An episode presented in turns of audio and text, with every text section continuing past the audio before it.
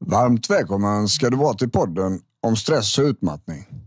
Björn Rudman heter jag och här pratar vi brett och vitt, högt och lågt om stressrelaterad ohälsa. Både psykiskt, fysiskt och socialt. Här får du kunskap och tips på hur du kan förbättra just din situation och, och ibland också strategier för att komma framåt. Vill man få tag i mig för att boka föreläsningar till jobbet, boka in sig på onlinekurser eller kanske samtalsterapi, är den klart bästa vägen att gå är att surfa in på min hemsida som kort och gott har adressen bjornrudman.se. Men nog om det nu. Nu är det dags för podd igen. Häng med så kör vi. Varmt välkommen.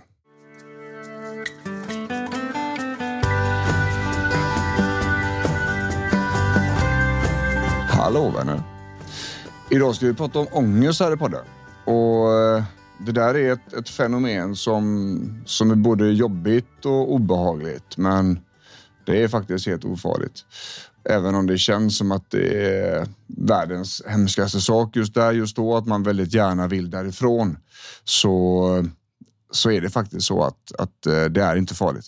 Och det här är någonting som man eh, eh, tittar på rent terapeutiskt under, under en sån process där man ska behandla ett ångestproblem så att säga. Men ångesten är, är en stressreaktion. Det är en väldigt kraftig stressreaktion och, och eh, man skulle kunna säga att det är ytterkanten på på rädsla så att säga och, och rädsla är ju grundkänslan som som någonstans eh, driver stressen och oron då. Eh, att, att vi människor ska vara redo för ett hot som vi tror kommer. Och eh, det här är ju en, eh, en väldigt vanlig problematik eh, i samband med utmattning, ska jag säga. Många eh, lider av eh, eh, ångest, både för att utmattningen skapar ångest med allt vad den har med sig. Men det kan också vara så att, att ångestproblemet är det som eldar på utmattningen. Och, och, det är någonting som jag springer på väldigt ofta hos mina patienter. Att eh, eh, vardagen är ganska lugn, ganska behaglig om man säger. Eh, inte särskilt mycket stress och press, men problemen kommer ifrån insidan. För att när man är stilla, eh, när man vilar så kommer det sådana ångestvågor att eh, man blir helt slut och helt färdig utav det. För det är så här att, att eh, äh, ångesten drivs utav adrenalinsystemet. Ångest och adrenalin är liksom ihopkopplat. Eh, och av den anledningen så det är därför man känner liksom att, att eh, eh, det blir en hög puls, det blir obehagligt i magen, det kan bli konstiga känslor i kroppen, det, det, eh, musklerna spänner sig, liksom man går runt och är redo. Va? Och Eh, det beror på adrenalinet. För adrenalin, adrenalin är ju som ett raketbränsle då, som vi ska ha när vi ska antingen slåss eller, eller fly från en fara. Och det här när adrenalinet tar slut så att säga, när det ebbar ut, när det inte är lika starkt längre, lika mycket, så blir vi människor jättetrötta. Eh, och om man har eh, Eh, blivit skrämd eller varit rädd ett tag. Precis efter där så är man ofta ganska mosig och det beror liksom på att, att systemet har kört så hårt att eh, det blir en sån typ av trötthet. Och, och är det så att man får ångest ofta, hela tiden, liksom, många gånger om dagen, så så är det ju väldigt ofta väldigt mycket adrenalin ute och det tar också väldigt mycket energi av oss. Så det är svårt att ladda på den energin. Speciellt i en situation med utmattning och där återhämtningen inte fungerar som, som den ska, som det var tänkt. Och det här är som sagt en, en problematik som jag tänker vi ska lyfta det här avsnittet då just när det är ångesten som, driv, som driver eh, hela tröttheten. Och då är det som, som i många andra fall inom terapi och psykologi då att det är mycket svårare att bryta en spiral.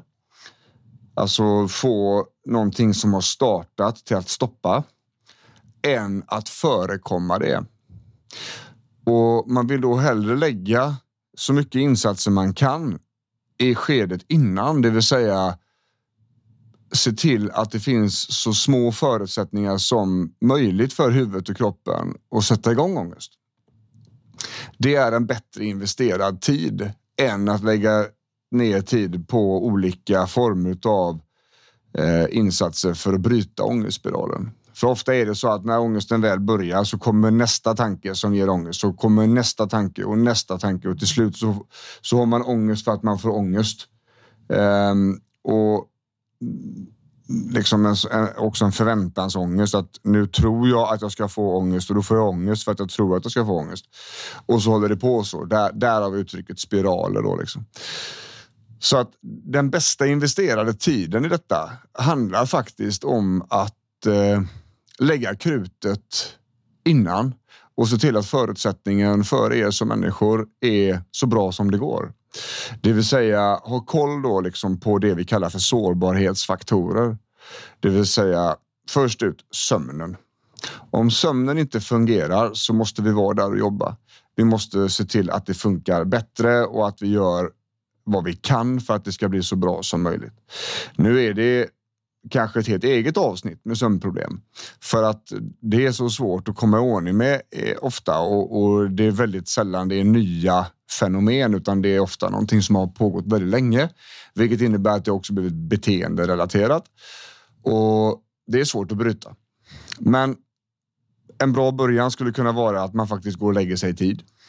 Att eh, man eh, lägger ner skärm och aktivitet, alltså eh, upp mot en och en halv, två timmar innan man ska gå och lägga sig. Eh, och att man har en mjuk landning på kvällen så att man inte kör hela vägen in i kaklet tills man lägger sig i sängen och sen hoppas man på att man ska somna. Ehm, den tredje grejen jag tänker på där, det är ju framför allt då att, att insomningen, om man, den man har problem med, är en passiv process. Det vill säga att ju mer saker som huvudet har som är aktivt, desto svårare kommer det bli. Problemlösning är en sån grej eh, som aktiverar huvudet. Så på något vis så måste vi pausa problemlösningen för kvällen och det kan man tänka sig att man gör genom att skriva lite och, och pausa problemen och, och så att nu, nu går det inte att lösa mer problem här idag, alltså sätter vi punkt. Kan vara vettigt att göra det i pappersform faktiskt. Ehm, det är också så här att, att eh, chatta chatta och eh, sociala interaktioner är någonting som också sätter igång våra huvuden och som gör huvudena aktiva, vilket innebär att vi kanske inte ska ligga och, och köra Messenger och Whatsapp och, och, eh, Instagram DM på kvällen och, och prata med folk, utan vi kan säga liksom tack och godnatt tidigare. Ehm, det kan vara en bra början. Samtidigt är det så här att det, finns det en stor sömnproblematik Eh, och man sover väldigt lite och lider av detta så, så är jag uppfattningen att man ska söka sjukvård för det här. För det finns ganska mycket insatser att göra just medicinskt och då använder man ofta allergimedicin för att skapa en dåsighet i kroppen och i huvudet eh, och då kan det bli lättare att somna. Och, och de är inte beroendeframkallande och det är liksom, man kan bli lite mosig dagen efter nästan som lite bakfull om man tar dem väldigt sent. Då. Men, men eh, jag kan säga så här, eh, om man inte sover så är det ett betydligt större problem eh, än att ta medicin som man blir lite hangover på. Liksom. Eh, så att sömnen är en sån grej som är väldigt starkt ihopkopplad med vår sårbarhet och således också ångesten. Eh, ju sämre det sover, desto större förutsättning kommer ångesten få. Vi har liksom mindre skydd mot det på något vis. Ehm, det andra eh, som jag tänker spontant här, det är ju maten. Det är ju via maten vi får i oss energi igenom först och främst. Och har vi för lite energi i oss, då kommer vi bli känsligare i huvudet och då ökar sårbarheten och då kan också vara så att ångesten kommer tidigare. Det är en grej som, som jag har patienter som, som får ångest på, på skumma tillfällen och det kanske inte riktigt eh, var rimligt eller sådär. Det fanns ingen logisk förklaring. Då, då säger jag alltid till dem att kolla av de här grejerna. Liksom. Hur trött är du? Hur hungrig är du? Och vad har du gjort innan på dagen? Liksom? Har man kört över huvudet så att det är jättemosigt och, och, och sådär så, så är det inte så konstigt att man mår sämre. Och, och, om man då har en, en eh, förutsättning att få ångest så skulle jag anta att det är den som kommer där. Eh, men maten som sagt, ät regelbundet, se till att det finns energi i och är det så att det kommer ångest, försök peta i någonting och käka. I alla fall efteråt när den har lugnat sig, för där kommer energin att vara slut. Liksom. Eh, och det är för att vi inte hela tiden ska befinna oss i, i en negativ liksom, energibalans så att vi blir tröttare och tröttare och tröttare. Eh, det tredje, eh, och som man också vet faktiskt är effektivt eh, för att bryta, det är fysisk aktivitet. Igen då pratar mycket om träning här i podden och mycket om, om fysisk aktivitet överlag. Liksom. Och, och, jag skulle vilja säga så här, det är ingen fråga huruvida man ska röra sig eller inte. Eh, det kan absolut vara en definitionsfråga på hur mycket när, vad man ska göra och så vidare. Och det är olika från person till person och också olika beroende på hur man mår. Men eh, överlag så är det så här att vi människor, vi behöver vara i aktivitet och vi behöver vara ganska mycket aktivitet. Om vi inte är det så kommer vi må bättre av att vara det. Det kommer alltså bli kontinuerligt sämre och tråkigare om vi är stilla.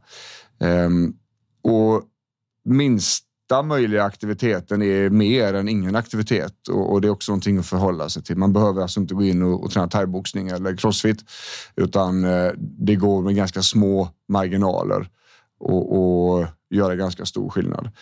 Ehm, det kan också vara så att om man inte är utmattad eller satt sig i kroppen eller inte har smärtproblem och liknande så kan det vara så att, att eh, eh, fysisk aktivitet för att bryta ångestspiralerna faktiskt också kan funka. Men det går inte att säga någonting generellt så. Det är ju väldigt olika från person till person. Um, och eh, det märker jag också av när vi lägger upp, eh, eller när jag lägger upp inlägg på sociala medier och artiklar och grejer. Um, när man skriver om träning generellt så, så kommer det alltid ganska många som, som eh, säger så. Men, men jag då, jag kan ju inte, jag kan ju knappt stå upp innan jag blir trött. Och det är ju så här, det är olika från person till person och man måste hitta en, en nivå som, som fungerar för just den individen. Eh, det är därför det inte går att ge mer riktlinjer än så här. Så det är ganska breda penseldrag när det gäller sådana här saker då i, i, i poddar och, och sådär. Men sömn, mat och rörelse. De tre benen är väldigt bra att börja med. Eh, och det är som, som jag sa där, det är mycket bättre investerad tid i att skapa bättre förutsättningar för huvudet att må bra och kroppen att må bra så att vi håller ångesten ifrån oss än att jobba med strategier för att bryta den. Eh, och jag tänker att, att eh, kan vi göra det, ni som lyssnar, så, så kommer många utav er och, och kanske må ganska mycket bättre.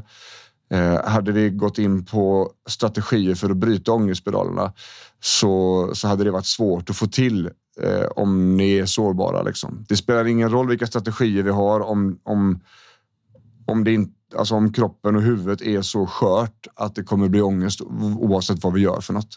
Då är det bättre att lägga krutet på ett annat ställe och det är lite grann så jag tänker med patienter också. Att vart någonstans får vi störst effekt? Var ska vi börja någonstans? Eh, I vilken ände så att säga? Va?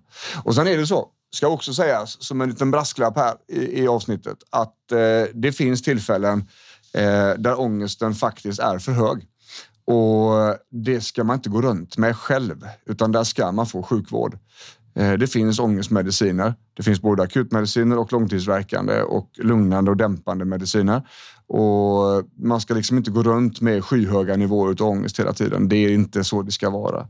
Och det, det är så jag tänker att, att eh, eh jag, jag, brukar säga till mina patienter att, att Eh, tänk att ångest är som feber. Liksom.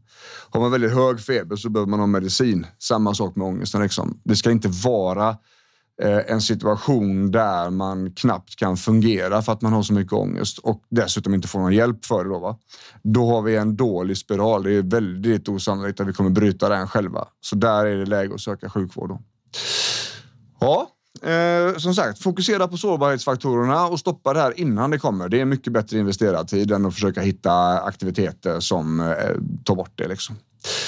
Är det så att man vill komma i kontakt med mig eller kolla på kurser eller föreläsningar så, där, så är det bjornrudman.se som är det bästa och snabbaste vägen. Och eh, som sagt, eh, glöm inte att prenumerera på podden så att den dyker upp i, i eh, flödet när ni, när ni startar den på morgonen så får ni besked om när den är ny. Säger vi så. Ha det gött! Bye.